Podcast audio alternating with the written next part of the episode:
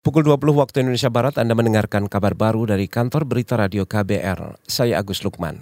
Kementerian Hukum dan Hak Asasi Manusia bakal mengecek kebenaran pemecatan anggota polisi di Semarang, Jawa Tengah yang karena diduga gay. Dirjen HAM Kementerian Hukum dan HAM Mualimin Abdi mengatakan pemecatan aparat negara atas dasar orientasi seksual melanggar undang-undang. Namun jika yang bersangkutan melakukan perbuatan melanggar etik atau norma, maka bisa dijadikan dasar pemecatan. Tetapi kalau alasannya karena di LGBT tidak boleh, itu tidak ada di instrumen hukum mana pun, aturan mana pun tidak boleh gara-gara orang yang berkeyakinan berbeda ya berkeyakinan artinya berkeyakinan diri sendiri memilih untuk uh, eh, LGBT gitu ya.